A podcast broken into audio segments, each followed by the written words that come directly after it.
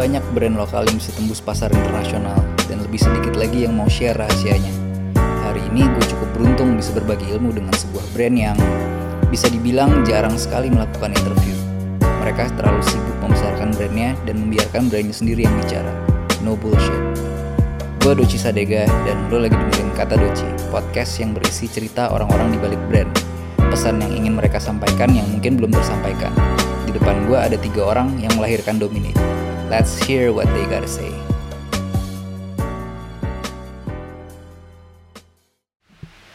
Sekarang di depan gue ada nggak cuma satu orang loh, ada tiga orang yang ada di belakang atau atau di depan ya sebuah Samping brand. depan ya Pokoknya kalau kita ngomongin brand ini, ya isinya tiga orang ini. Ada siapa aja? Eh, ada gue Dila Ada gua Naya, Dai, ada gue Kasang. Kesong dari. Dominate Oke, kami dari Dominate. jeng jeng jeng jeng jeng Jadi kalau kalau kita ngomongin Dominate, kita mundur berapa tahun nih? ah dua tahun ya enam ya Eh, lima, lima, Lima, lima. tahun. Awalnya gimana? Kenapa kenapa akhirnya langsung tiga orang ini gitu? Hmm, enggak, awalnya gua sama Naya dulu, Dila punya punya rencana buat brand rencana buat sendiri brand waktu sendiri itu. waktu itu. Oh iya. Hmm. Terus uh, kalau ngomongin porsi gimana porsinya? Uh, lo lo lebih di apanya? Song lo apa? Siapa nih Dari ngelakuin? dari dari Dila dulu ya. kalau kalau porsi sih karena tim kita masih sangat kecil dan masih ya masih ini aja Hmm. kita ngebagi porsi kita sama aja gitu Hmm. Siapa ngerjain apa dan siapa juga juga ngerjain yang siapa kerjain juga Oh, jadi nggak Jadi- nggak nggak yang saklek lu cuman ngurus ini doang. oh enggak gitu ya. enggak, Yang semuanya enggak. lo bisa ngurus kerjaannya ya kita pengen juga, kita pengen bisa ngurus. eh, kita pengen ngebentuk sistem di mana kita semua bertiga ngerti semua field yang ada di sini Hmm. sampai pada satu saat nanti kita punya kesempatan untuk ngelebarin lapangan ini dan kita udah tahu se apa ya untuk ngedirect orang banyak mungkin Hmm. nanti yang siapa yang bakal jadi karyawan atau apa jadi kita nggak ya ya di sini kita di awal nggak spesifik siapa ngerjain apa siapa ngerjain apa tapi kita semua ngerjain bareng jadi Gitu sih. jadi bisa dibilang dominate itu kayak satu orang yang sama tapi ada tiga jumlahnya gitu kan Ah, semua semua knowledge yang lo atau semua semua bidang yang lo kerjain itu bisa dikerjain Naya juga bisa dikerjain Ya. Kesong juga. Jadi kayak kayak satu orang dikali tiga bukan bukan bukan satu dibagi tiga. Ya eh masuk akal nggak sih kayak gitu? Iya sih? Iya gitu. Kayak gitu kalau kalau kalau awal awal lo eh, perkenalan segala macam apa sebelumnya ada project bareng? Eh, jadi ceritanya gue kenal sama Naya udah zaman tahun berapa Nay? Waktu itu? 2000 awal lah, 2001 2000 Iya, Naya waktu masih SMP. ya gue pindah ke Semarang sempat Hmm. waktu itu. Terus ya gue eh, bermain di scene ya scene skate sama musik akhirnya ketemu dia Ah. Kesong berarti ini eranya Bring Her Head to Athena? Sebelum itu sebenarnya. Belum itu sebelum itu. Hmm. Terus, terus. Terus Sudah siap Naya ba- balik ke Jakarta, gue gawe di Jakarta 2012, ketemu Ah. Naya lagi. ya terus dia bilang gue pengen buat brand nih tapi yang lebih ke konsep karena konsep. sebelumnya dia juga udah ada Hmm. Cuman dia pengen lebih konsep. Ini ini solid gold bukan? Iya. Iya betul waktu itu di Oh, tahu. tahu dong. Jadi si Kesong ini juga dulu eh, dia itu yang ngerjain artwork PW Gaskins album At Astra Praspera ya sama Rico ya dulu. Yes. ya terus abis itu? Abis itu, oh ya udah, eh, kebetulan pas lagi gua ada di Jakarta ini, gua tuh terlalu di scene musik metal yang terlalu dalam banget. Hmm. Jadi untuk kalau memang pergaulan seperti hal seperti ini gua nggak ada nih. Ah. Terus eh, gua kuliah, terus gua dikenalin sama almarhum temen gua, Hmm. Dila. Lu dikenalin sama almarhum temen lu Dila. Almarhum. Oh maksudnya sama Udah. sama teman lo Lo itu dikenalin udah. ke Dila Iya gitu. iya iya. iya. Gue kira Dila Bukan, udah almarhum sekarang. jangan, jangan. Nah, habis itu eh, gimana ya oh akhirnya eh, kebetulan waktu itu dia kerja di Orbis Ah. ya kita ngobrol-ngobrol kebetulan dek, kampus kita juga deket gitu kan Hmm. dari situ terus malah dia bilang dia mau buat brand tadi sebelumnya Hmm. itu awal mulanya apa ya Song ya yang develop label ya Iya, develop label Hmm. terus eh, kita eh gue sama Kesong bingung sih Hmm. ini buat permarketingannya gimana nih gitu Hmm. gua mainannya bisa di scene ini Hmm. Kesong juga bisa diomongin baru di Jakarta gitu, Hmm. misalnya gitu. akhirnya kok ada kabar dari dia Hmm. bahwa gua nggak jadi gitu buat Hmm. brand ini Hmm. Oh ya tadinya tuh gue mau buat brand itu sama orang lain bukan Iya, sama mereka. iya. Hmm. Bukan sama Kesong sama Naya tapi sama teman kampus gue juga. Hmm. Tapi karena apa ya egonya sangat tinggi masing-masing Hmm. eh, dan itu juga masih masih belum mulai baru ngumpulin modal di tengah Hmm. terus kayak ya udah daripada ke- eh, eh, satu orang ngambil keputusan daripada udah duitnya kebakar Hmm. tapi bakal terjadi kayak gini lagi bakal ada konflik mungkin lebih besar mendingan Hmm. gak jadi sekalian Ya udah dan di situ akhirnya gue cerita lah ke almarhum teman gue ini Hmm. nah mungkin si almarhum teman gue ini menyampaikan ke mereka Hmm. Mungkin itu awal mula kita bertemu Iya. untuk ngomongin hal yang serius Hmm. gitu sih Tapi bisa dibilang si brand yang lo mau bikin ini DNA-nya si Dominate apa Bukan. sesuatu yang beda lagi? sesuatu gitu? yang sangat skate Oh, sesuatu yang sangat skate. Iya. Dan itu eh, akhirnya nggak jadi dibikin. tidak jadi Oke. Terus eh, dari siapa yang come up sama namanya si Dominate ini? Eh, kesong Iya, waktu Iya. itu kita gue berdua nih yang Hmm. Ya, kesong sama lah namanya apa ya Hmm. Alasannya apa ya? Enggak, jadi sebenarnya gue punya ide ini tuh dari 2012-an Hmm. Jadi kayak gue pengen, kayaknya nama sobat gue tuh aneh banget, jelek banget gitu. Kayak gue butuh satu nama yang yang sebenarnya nggak jelek bagus mungkin mungkin setiap orang punya perkembangan Iya. dan kupingnya itu selalu berkembang kan? Gitu. Iya, kayak gue pengen buat satu brand yang kayaknya tuh kayak waktu itu gue tuh bener-bener kayak look up sama Supreme banget ya. Satu kata yang beneran kayak hampir sama kayak Supreme gitu. Apa sih? Ya. Tahun itu kan 2012 2013 itu kan era-era Supreme masih beneran Ya masih gitu deh ya masih greget masih, ya Iya, segitu, segitu banget kuatnya ya, gitu. kuatnya kayak, enggak mungkin karena ini aja kali lu bilang kayak masih teman-teman lo yang ngerti yang oh beli masih eksklusif, masih eksklusif. Masih eksklusif Masih kali. kalau kalau tahu ini Iya. masih nyampe berarti. Eh, emang- tapi eh, menurut gue Supreme sekarang masih sekarang lu nggak mau kan pakai eh mau, pakai- mau. gue mau, gue mau thanksin kan baru bilang nggak. mau mau mau gue gue kalau dikasih Supreme gue ayo gua ajak lu ke Tamrin ke Tamrin City mau ya,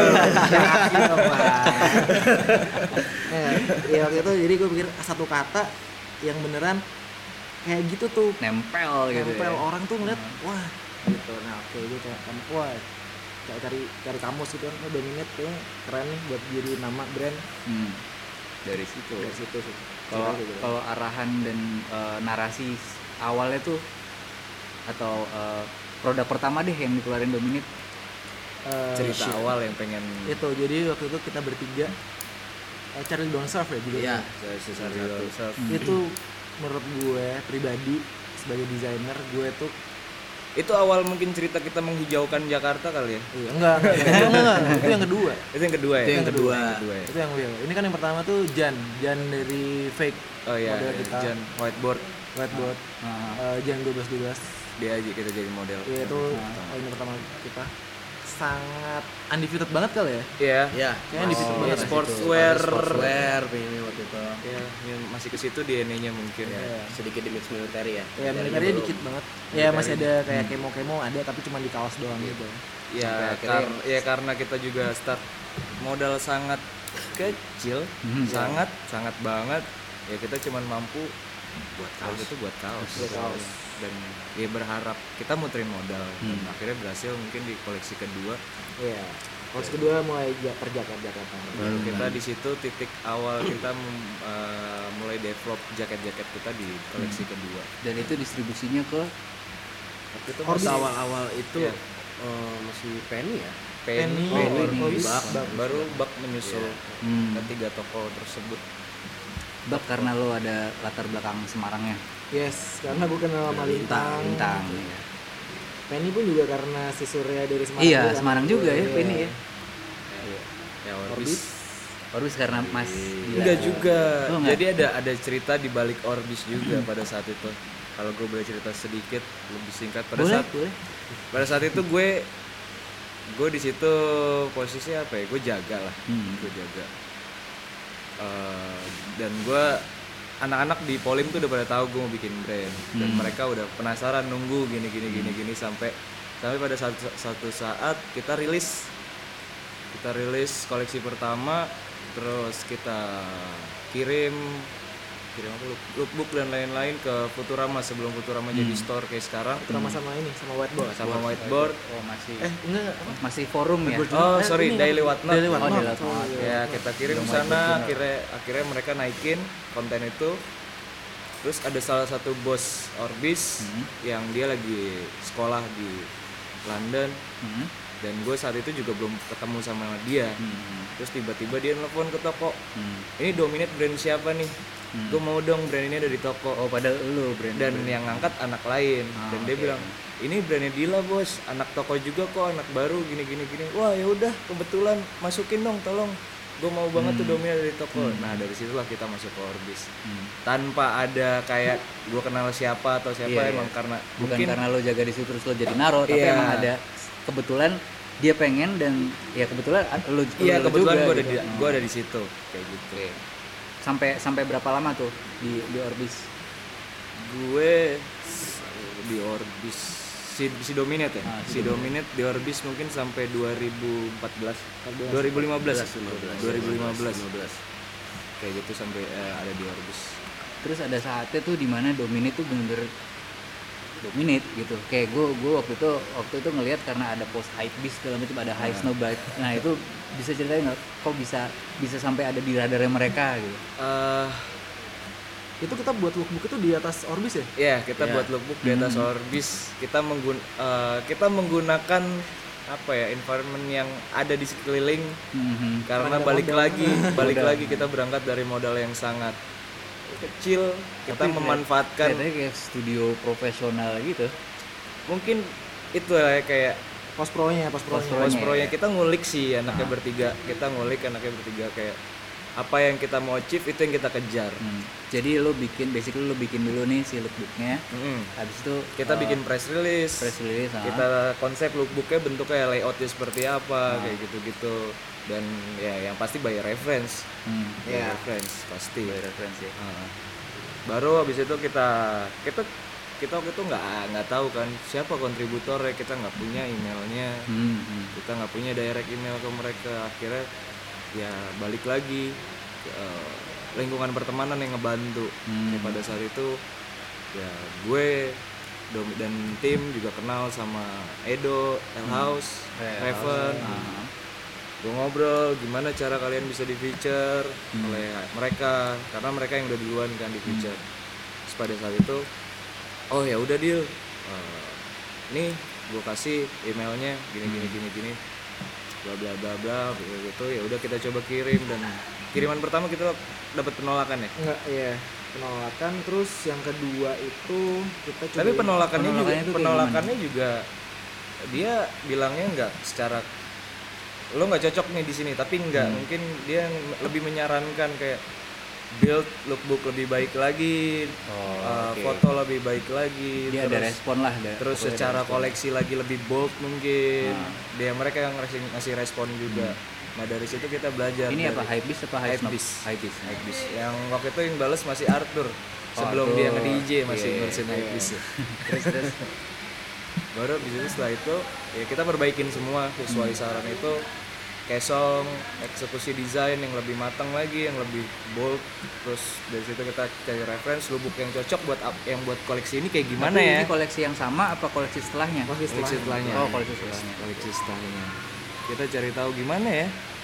Lookbook yang cocok eh, style yang cocok fotonya dan lain-lain untuk koleksi seperti ini kita research dan lain-lain kayak cari contoh kanan kiri.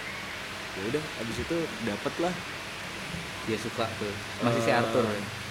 Oke itu udah bukan ke Arthur ya? Eh, jadi waktu itu kita kirim dulu ke gue uh, Ke Terklux ke Klux dulu gue juga sempet DM DMan sama orang Terklux Hmm. Ya, eh kalau lu ada ini dong gue punya brand nih lu mau lihat nggak Terklux hitungannya brand apa ya hitungannya kayak website kecil tapi mereka jadi source untuk uh, website-website lu uh, Hmm. lumayan gede untuk Jadi dia Di- ngebantu kurasi lah ya. iya si Ketuk. gitu lumayan kan tertutup lebih Hmm. kecil tapi lebih terkurate gitu kan nah dari situ habis nge uh, buat apa sih namanya artikel kita tapi based on uh, Si- ini si uh, si itu. nah setelah itu Hextop juga naik ya ya Hextop Hextop juga juga naik terus setelah itu berapa hari lagi berapa hari kemudian juga Hypebeast di Instagram Di. Instagram. naikin ya. foto kita di Wow, Instagram iya. Itu impactnya gimana waktu itu?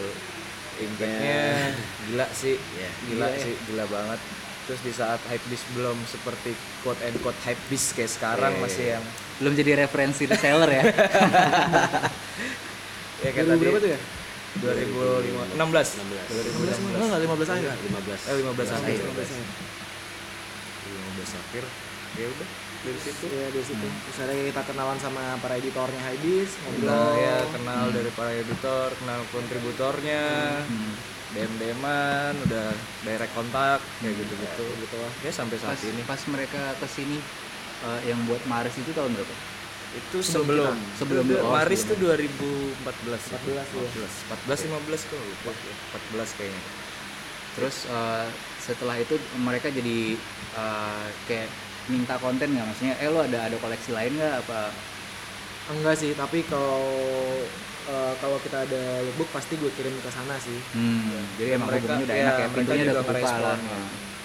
Oke, terus eh, dari situ pasti ada impact juga kayak lo jadi ada buyer yang sebelumnya lo nggak pernah pikir. Iya, Kayak iya, lo iya. eh, Dominate ini kan masuk Urban Outfitter Europe ya. ya yes mungkin karena gini kali ya Dominate tuh kita secara bertiga tuh wah, kita nggak menyadari sebenarnya Dominate tuh udah cocok di situ tapi kita kayak ah masa sih? Hmm. kita bakal dilihat sama mereka dan bakal dibeli sama mereka dan itu yang ngebuat kita eh, bertiga kayak ah, dia nggak nggak thanksin thanksin sampai Hmm. ya nggak nggak ngubungin nggak nggak nyari buyer ya kita. Kita nggak nyari nyari buyer sampai ya kita pakai cara lain ya kita coba lewat media dulu dan itu berhasil sampai sampai pada akhirnya ya buyer itu yang akhirnya ngedirect it, ngedirect kontak ke kita hubungin mau buying kita. Hmm. Hmm, mungkin per, eh, bayar pertama itu eh, Les Les Taiwan. Ada to- eh, toko select shop gitu dari Taiwan. Hmm. itu yang pertama kali bayarin kita. Ya itu Les. juga disuggest sama kalau gue beli shout out mereka ya L House lagi. Balik Ya. lagi mereka yang sangat ngebantu kita di awal Itu juga channelnya si Al House. Iya, Al House ada iya. di. Elf Terus, juga juga L House L House bantu memperkenalkan kita ke salah satu ownernya si toko tersebut Membangun network dan mewujudkan mimpi adalah dua hal yang sangat berhubungan erat. Dalam usaha mewujudkan mimpi, diperlukan networking yang luas. Dengan bantuan sahabat, rekan kerja, bahkan musuh kita. Jaringan yang luas membuat kita belajar menjadi lebih baik dari sebelumnya. Les Taiwan, Hyde Store Korea, Urban Outfitters Eropa, dan Corner Shop Singapore adalah beberapa buyer dominate. Sebuah achievement yang nggak bisa didapat tanpa networking.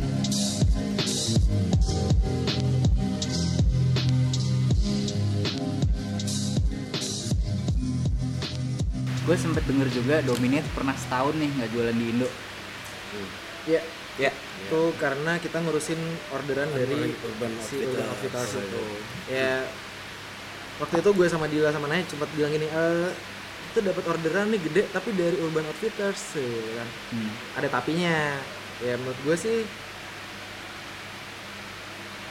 gimana ya? Lu tak ya jujur jujuran lu tau lah Urban Outfitters kayak gimana kan. Hmm. dan kita pun juga butuh duit gitu dari situ nah kayak di sini tuh adalah part eh part lu nge-decide mau dibawa ke mana brand lo Hmm. mau di mana ke dibawa ke mana perkembangan brand lo dan mau dibawa ke mana cash flow lo kayak gimana nah itu menurut gue eh, salah satu hal yang menurut gue itu gue gue pribadi dilema gue nggak tahu Naya dan Dila dilema atau enggak.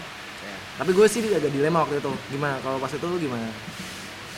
Ya gue sih cuman berpikir pada saat itu ya mungkin ya mereka bisa buying besar dan dan ini bisa jadi keuntungannya bisa jadi modal untuk ngebesarin ini lebih. Walaupun terkesan ada kesannya ya sell out. Sell out. karena kita jualan di mereka yang notabene ya itu Dep Store yang Dep Store, ya. kayak gitulah ya bisa dibilang ya kayak Iya. ya, ya kayak Zoomies Iya. bener sih. tapi ya masih di atasnya hot topic lah tapi waktu itu bayar bayarnya bilang gini ke gue kayak gue "Eh, oke gue pikirin dulu ya terus dia bilang gini tapi kita beda kok dari Urban Outfitters eh, di Amerika kita masih ada Maison Margiela masih ada Aries gitu ya kurasinya masih Eh, ada dia bilang gitu ke kita kayak oh oke eh, yaudah deh boleh deh terus gue terus akhirnya gue sama dia mana dia eh, tanya gitu kan ya udah kita kasih aja kali ya Eh, kita tembak aja nih bayangnya kali ya. Kalau biasanya kalau mau kita out ya udah out sekalian. Maksudnya dapat duitnya yang gede sekalian gitu. Soalnya ini loh gitu. ya kita tembak aja gitu oke kita mau dengan angka segini nih. Terus mereka oh masih masuk kok dengan budget kita budget budget kita? Waduh. Nah itu cerita kenapa kita bisa ya terus ya akhirnya kenapa bisa hilangnya sih lebih tepatnya apa ya source untuk produksi kita di sini sih. Hmm, hmm. pada saat itu kita masih sangat sedikit tempat yang bisa mau menerima kita dengan dengan technicality yang ya seperti itu. seperti itu. Dan ya banyak suka dukanya dukanya lebih banyak sih ke tukang jahit Iya. ke mereka. Kayak mereka ngerjain jaket tumit mungkin sehari bisa cuma satu. Ah.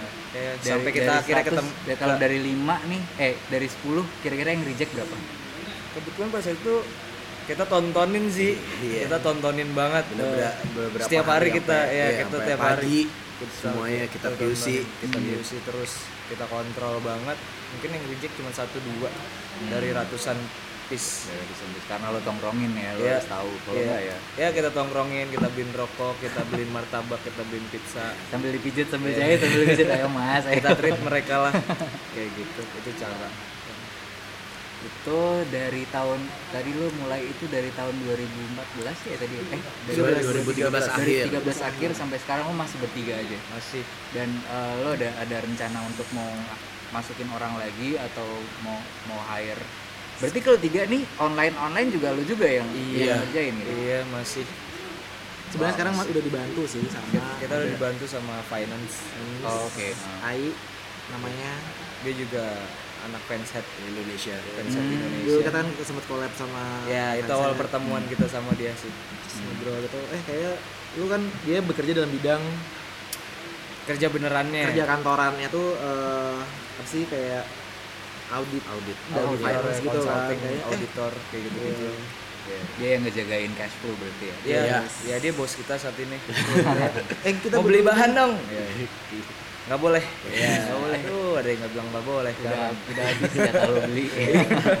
Soalnya kalau mau kita nggak ada gitu maksudnya baik lagi ini kan bisnis ya. Maksudnya kayak walaupun pertama kali seneng seneng ketika ketika udah ngomongin tentang cash flow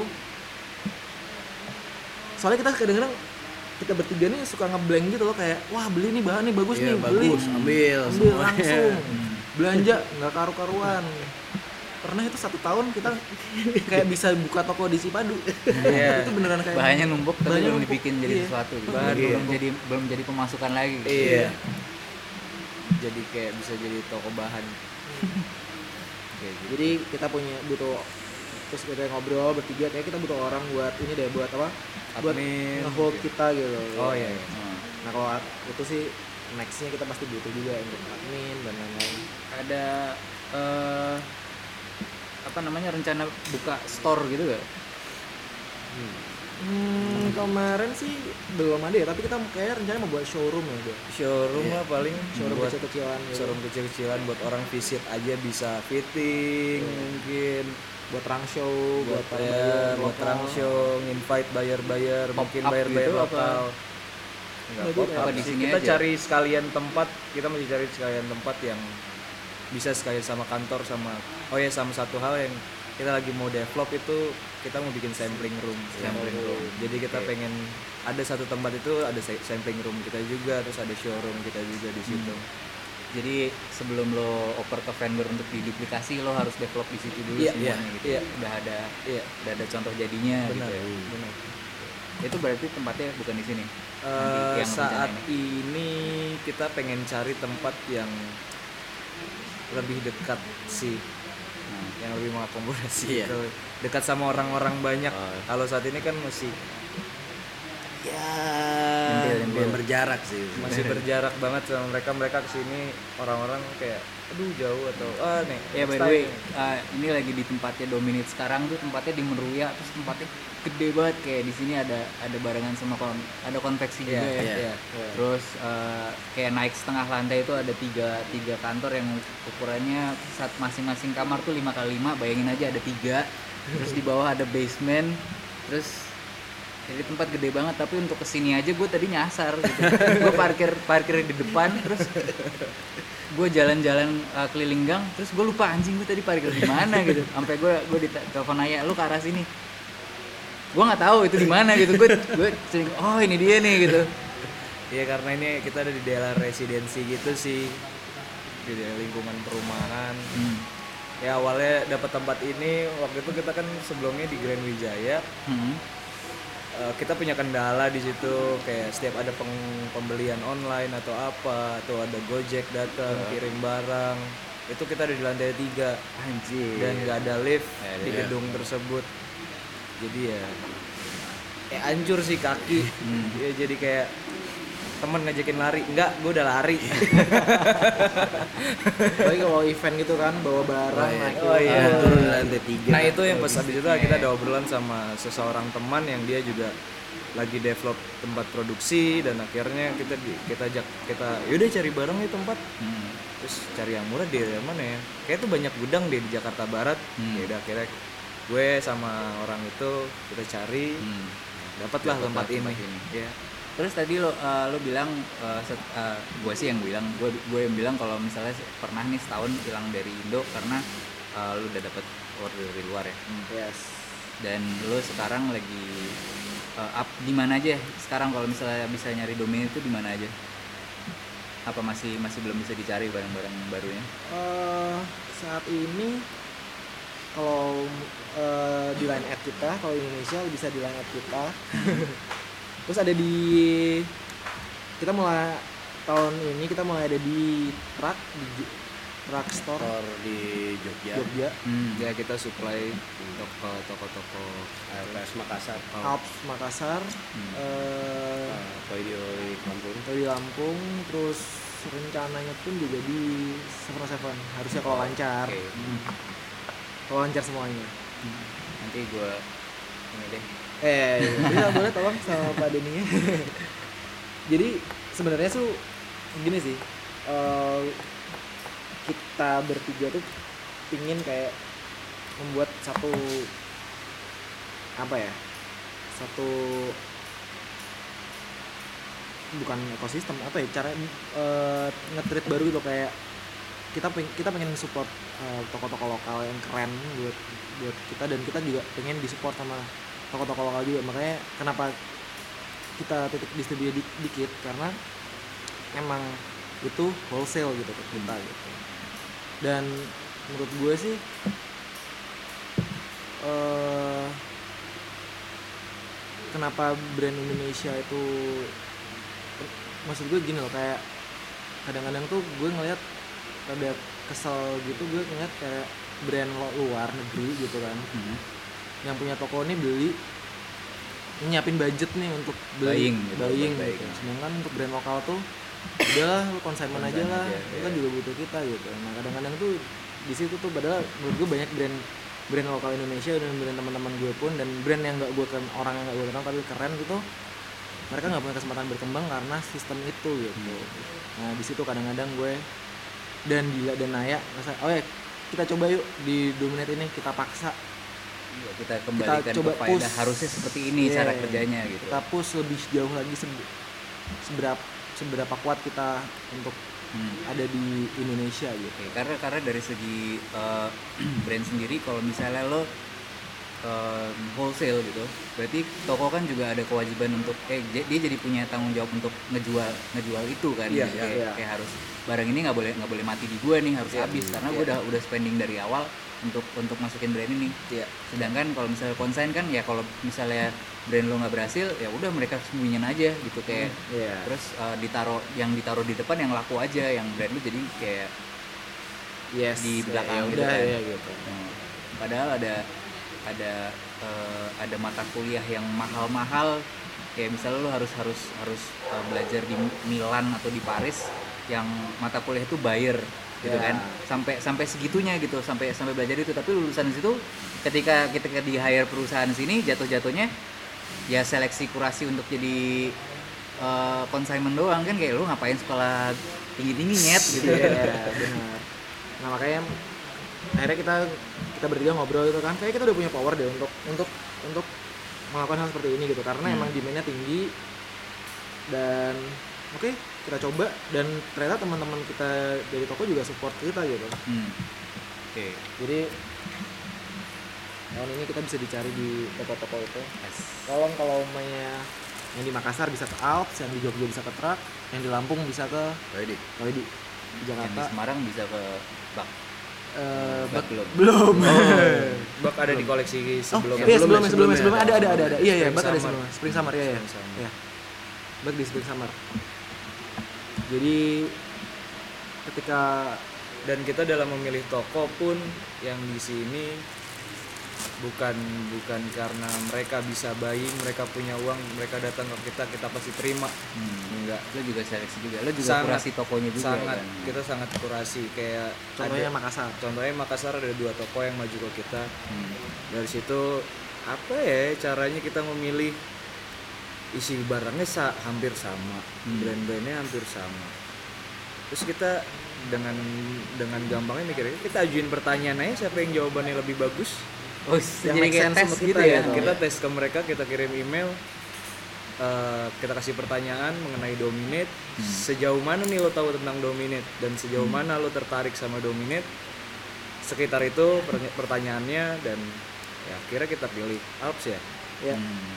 karena dia jawabannya bagus dia tahu banget dominate dan Hmm. kan dengan kayak gitu kan Iya, jadi jadi gue percaya oh barang gue datang eh jatuh ke tangan yang benar. Yang dan emang tahu si tahu si do, tahu si brand dan ya ya setelah itu gue tau lah barang gue bakal dijagain dan mungkin bakal dijual dengan benar oleh mereka. Hmm. kayak gitu. Gue nggak mau barang gue cuman ada di toko sebagai pelengkap sebagai konten karena barang karena dominate ada di Hypebeast dan lain-lain kita udah jualan di luar bla bla bla enggak kita nggak mau kayak gitu. Kalau eh, ngomongin kolaborasi Hmm. terakhir kemarin kan sama Orbit. Yes. nah itu ceritanya gimana tuh?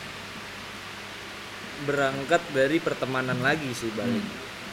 kita saling kenal sebelumnya sampai pada saat gue nanya ke teman gue ini brand siapa sih? Gue tertarik pengen beli kan. Hmm. oh ini brandnya ini deal gini gini wah yang benar loh emang kenapa brand yang lama? Adalah gosip-gosip underground lagi yang gue nggak bisa bilang di sini juga. Nah, sebelumnya dia punya brand sampai akhirnya brand sebelumnya ya dia punya masalah di situ sampai akhirnya dia buat Bikin orbit, Orbit, dengan ah. tim yang lain.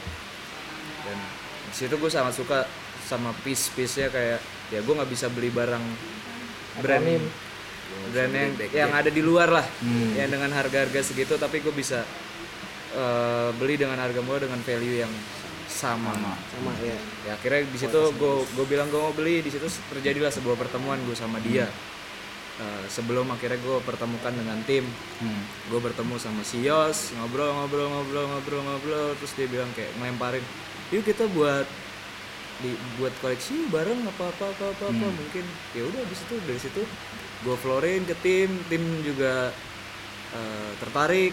Ya udah akhirnya kita ngelakuin pertemuan dan dari situ lebih serius dari sampai akhirnya koleksi kemarin. Hmm. muaranya. Yes. So, kalau kita ngomongin eh, dominate kan dominate udah jadi apa ya eh, sesuatu yang menghasilkan uang lah. Dan dan dominate ini juga masih masih mengedepankan idealisme idealisme masing-masing gitu yang ya nggak bisa dibilang brand sell out juga kan. Hmm. Ya. apakah ada apakah ada pemasukan lain dari eh, selain brand ini yang yang bisa apa ya menghidupi. menghidupi gitu?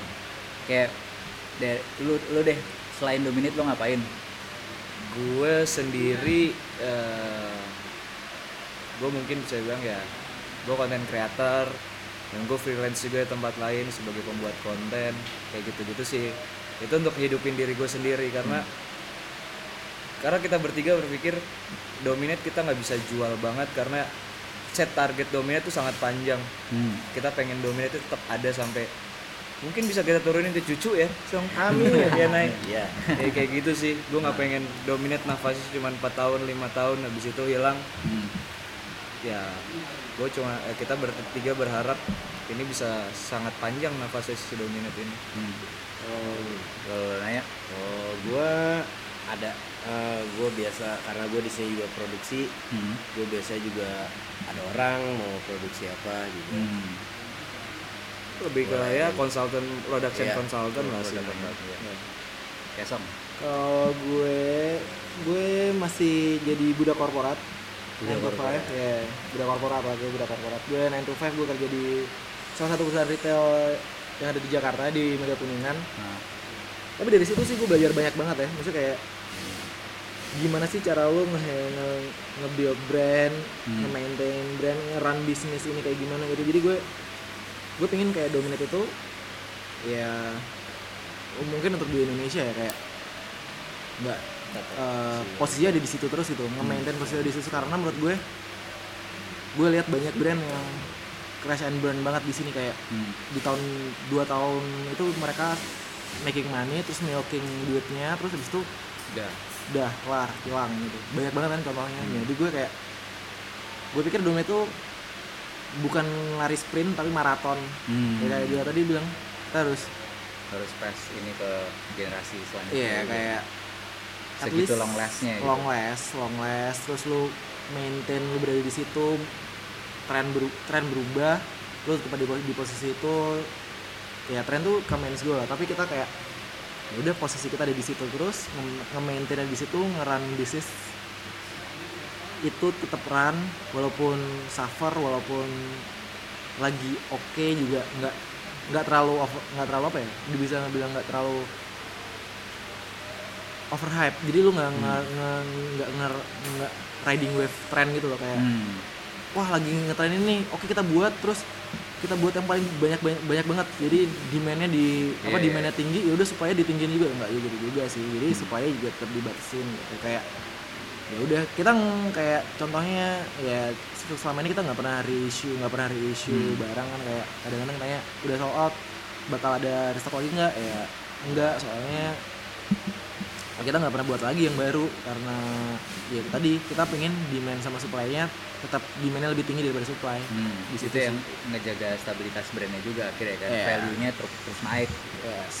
Seperti itu sih. Berarti ini tiga-tiganya masih masih ini ya eh, kerjaan-kerjaan di luar dominate masih masih berhubungan semua gitu. Kayak lo lo bisa bikin konten di dominate, lo juga masih produksi berhubungan sama produksi dan lo juga apa yang lo kerjain di kantor masih relate ke yang lo kerjain di dominate dan lo bahkan bisa bisa ngambil pelajaran banyak dari situ gitu. yes ya ini keberuntungan kita bertiga kumpul jadi satu atap sih Ah, nggak yang tiba-tiba lo tuh eh, agen asuransi gitu kan.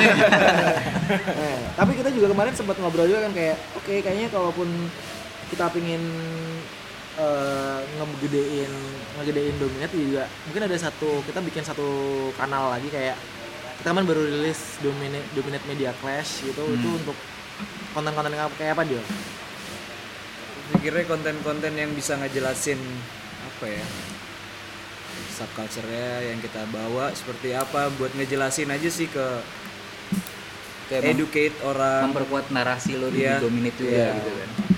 dan mungkin itu juga bisa jadi ladang bisnis yang lain juga sih Iya. Hmm. rencananya kalau bisa drive ke situ di kanal itu tok dominate aja apa lu bakal masukin sesuatu ya culture yang relate ke dominate juga gitu. Dari, dari segi brand pasti lo doang kan.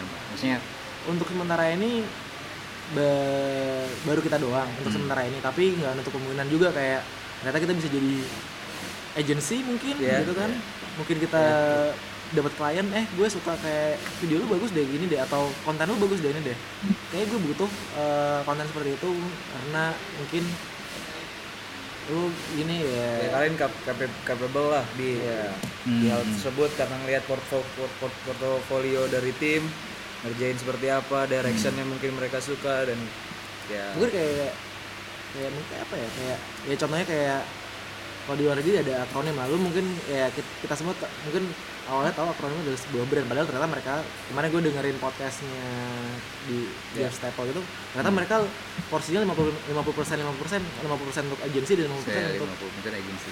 eh, brand itu sendiri. Ternyata wow pinter juga nih si Erosen Hmm. build bisnisnya gitu. Ya kayak ya kita coba ya mungkin belum belum jadi tapi tapi ya, udah kita ada udah visi ke iya, sana. udah, udah visi untuk ke sana. Hmm. kayak gitu. Kayak gitu sih. Bisa nggak eh, lo cuman bertiga aja nih maksudnya lo nggak akan nggak akan hire orang lagi untuk bikin dominate lebih besar lagi? Lo bertiga doang ya lo nggak nggak- nggak akan masukin kayak orang online atau apa ini bertiga doang Eh, besar di sini juga besarnya relatif sih mau besar yang seperti apa ya kan? ya eh, ya misalnya contohnya Hiroshi Fujiwara sama Fragment. Fragment itu kan cuma bertiga sampai sekarang. Ya Udah- udah- ya tapi ya sebesar itu. Iya. tapi tapi kalau kalau kita lihat Hiroshi Fujiwara emang bukan fragmen doang sih. Iya. Eh, maksud gue eh, ya kayak tadi lo kan masih bisa eh, ngerjain lo ada ada kerjaan lain di, di luar dua Yes. menit gitu dan kalau misalnya lo bertiga doang kan berarti kan emang ya lo bekerja sesuai kapasitas lo dan eh, sesuai idealisme lo nggak Iya. diganggu sama masukan orang lain gitu. Hmm, kalau mamanya untuk eh, kerja under kita mungkin kalau mamanya kita se- sekarang sebenarnya udah keteteran sih saat ini tapi ya tadi bisnis itu ini kan bisnis ya udah jadi bisnis ya. Bisnis itu pasti harus lihat cash flow lihat kemampuan kita untuk setahun lu bisa save nggak untuk ngegaji karyawan lu? Hmm. untuk eh, apa namanya operasional lu. Opex ya operasional lu bla bla bla kayak gitu ya. Eh, kalau ternyata kita kemampuan kita masih segini ya maksudnya se- belum bisa. Istilahnya kalau kalau lu siap nge-hire orang berarti lu siap untuk memberi dia gaji dan pastikan itu nggak telat pastikan Hmm. itu dia aman safe kayak oke selama setahun atau enam bulan lah ya itu kan adalah kewajiban lu sebagai owner kan Hmm. Ya kan balik lagi dengan dengan hal seperti itu kan kita kan jadi terbeban. Nah, Iya. suatu Iya, hal iya, yang kita iya. harapkan ini keluarnya menjadi sebuah idealis, tapi jadinya mungkin jadikan ini adalah sebagai mesin uang. Itu yang kita takutin, Mak. makanya kita bertahan masih. Jadi kita bisa kerjain bertiga, bertiga dulu mungkin untuk hal-hal yang lain kita bisa ngesap ke orang, Hmm. ke agensi apa, ke Yes. agensi apa seperti itu. mungkin Iya. kalau menurut gue sih kalau eh, kita udah dibantu sama AI tadi kan ada Hmm. yang bantu finance, Finance, kita ya. AI dan mungkin mungkin kalau maunya maksimal pun juga paling satu atau dua orang sih butuhnya cuman udah sisanya udah beneran ya udah kita bisa ini sendiri kok Hmm. gitu Opex lo paling ya sewa tempat ini aja kan sama ya yang yang bulanan lo keluarin uangnya gitu. Iya, Iya. paling gaji.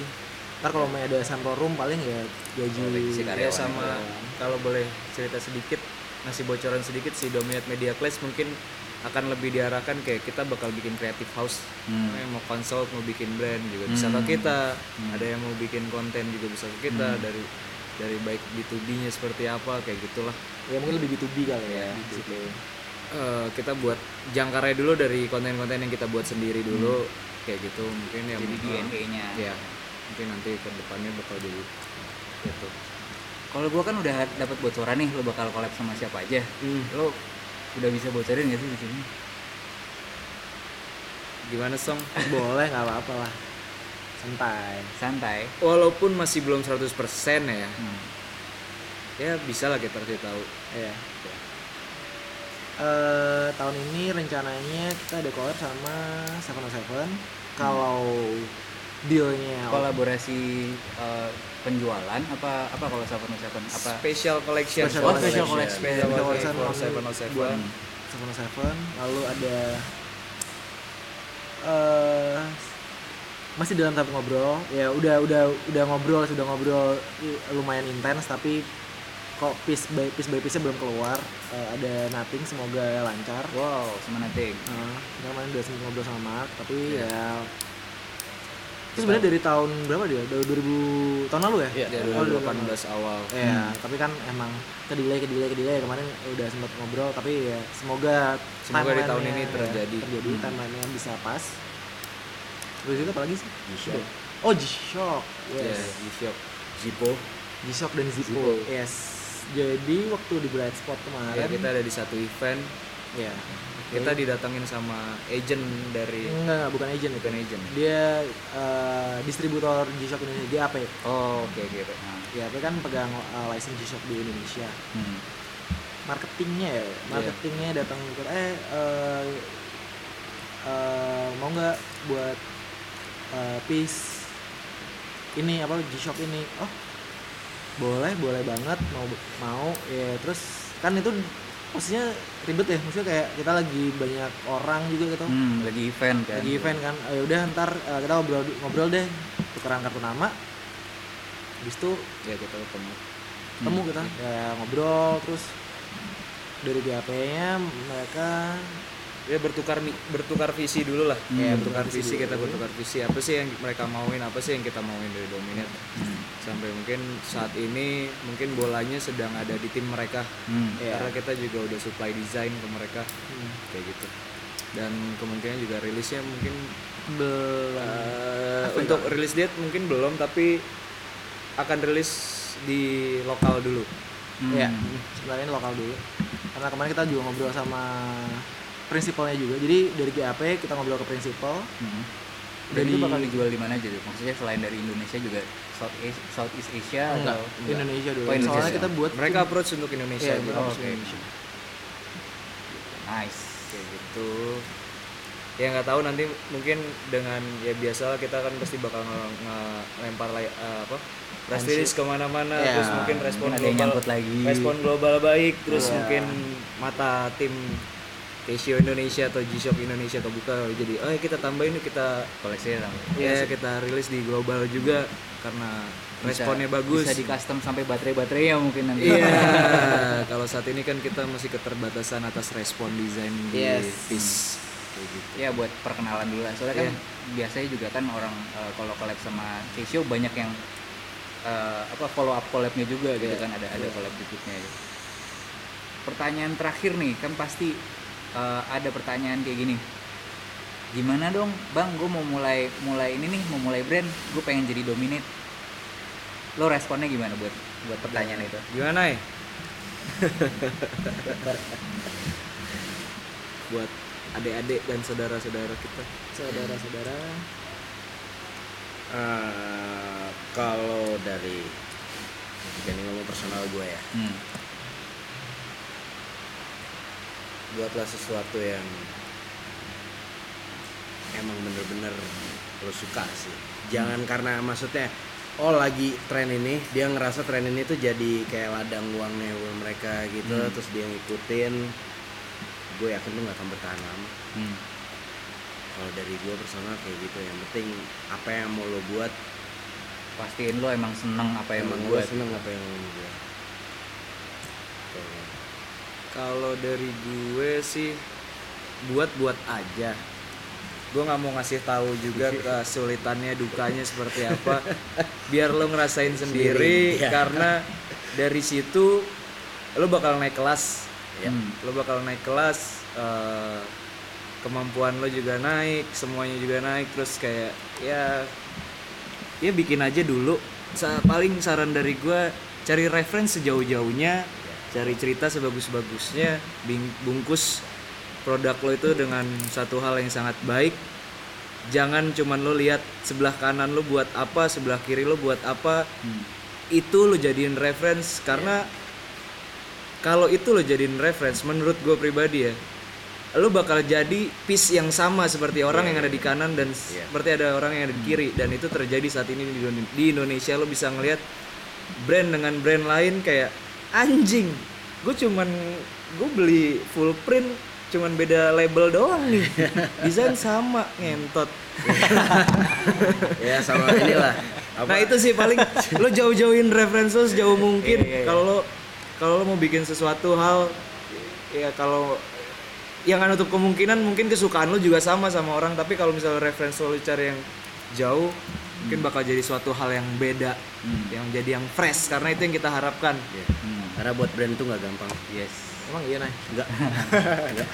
Sama sekali enggak. buat brand gak gampang tapi agak gampang tapi yang paling susah ngejaganya ngerannya hancur Ya, Berarti bikin brand itu gampang, tapi bikin brand bertahan Itu susah. itu Itu susah. susah hancur susah banget susah banget apalagi kalau udah punya pegawai lu punya Iya. bla bla bla makanya kita masih di sini dulu. Iya. Apalagi kalau misalnya memilih cara untuk berpartner. Waduh Wah. itu juga PR lagi tuh. Hmm. Doci punya pengalaman lah dengan partner. Gue tahu tuh ceritanya. Eh, ya gitulah. Kalau berpartner lu pilih yang benar mungkin gue gue berpikir sih gue bertiga ditemuin sama alam. Hmm. jadinya kita bisa bertahan kita bertahan se- segini lama. Walaupun kayak lo ngeliat kok kayak nggak ada konflik ya? Tai kucing. Setiap ketemu gue berantem bertiga. Tapi ya balik lagi profesional kan. Kayak Ah. setelah itu yang ngerokok ketawa lagi ngomongin orang ngomongin lagi. Tahu ketawa lagi tapi kalau misalnya ngomongin kerjaan ya pasti kan setiap ada argumen yang pengen dimajuin dari setiap orang. Hmm, kayak gitu sih paling. Kalau dari lo kok song? Gimana song? Kalau dari gue sama sih bersama sih kayak ya be true to yourself. Apa yang lu suka lu buat dan jangan ikutin tren kayak wah gue lagi eh, gue emang lagi suka lagi suka off white nih. Terus lu buat off white ya sama-sama aja kayak orang. Kalau umpamanya lu belum menurut lu lu belum dalam lu dalemin lagi nih. Apa sih sebenarnya? Apa sih? Lu cari tahu lebih jauh. Soalnya gini nih. Lu sebenarnya kalau lu buat ketika lu buat apa ya? Buat dibilang brand yang lu jual tuh bukan baju. Yang lu jual itu cerita. Hmm. cerita terus yang lu jual itu kultur kultur yang ada yang kultur yang akan lu angkat gitu loh kayak sama lah kayak eh apa ya kita bilang ya kayak contoh kayak eh Stussy dia mengangkat kultur Jamaika Hmm. terus eh Supreme dia ngangkat New York 90s gitu kan ada Hmm. beberapa a- artikel yang gitu. Ya kayak lu harus ngulik sedalam itu gitu. Maksudnya kayak lu cari referensi yang paling banyak yang dalam kayak oke gue ngerti apa yang gue mau buat. Ketika lu ngerti apa yang lu mau buat Lo bisa ceritain setiap piece yang lo buat akhirnya kan. uh, uh, Dan cuma asal-asalan. yes. Jadi ketika oke gue buat gue bisa ngepre- ngerepresentasiin dan gue bisa presentasi ini ke orang itu pasti akan lebih gampang buat lu. Hmm. mulai start off gitu buat suatu usaha seperti itu sih Saya, saya kira insight ini sudah sudah bagus sekali. Makasih banget udah ngobrol-ngobrol. thank you Uh, thank you. untuk berguna buat eh, kalau sebutannya yang sebelumnya buat bocah-bocah kontol. Jadi semoga eh, sukses terus buat Dominate dan Amin, sukses buat amin, amin. collab-collab ke depannya. Amin. Thank you. Thank you. thank you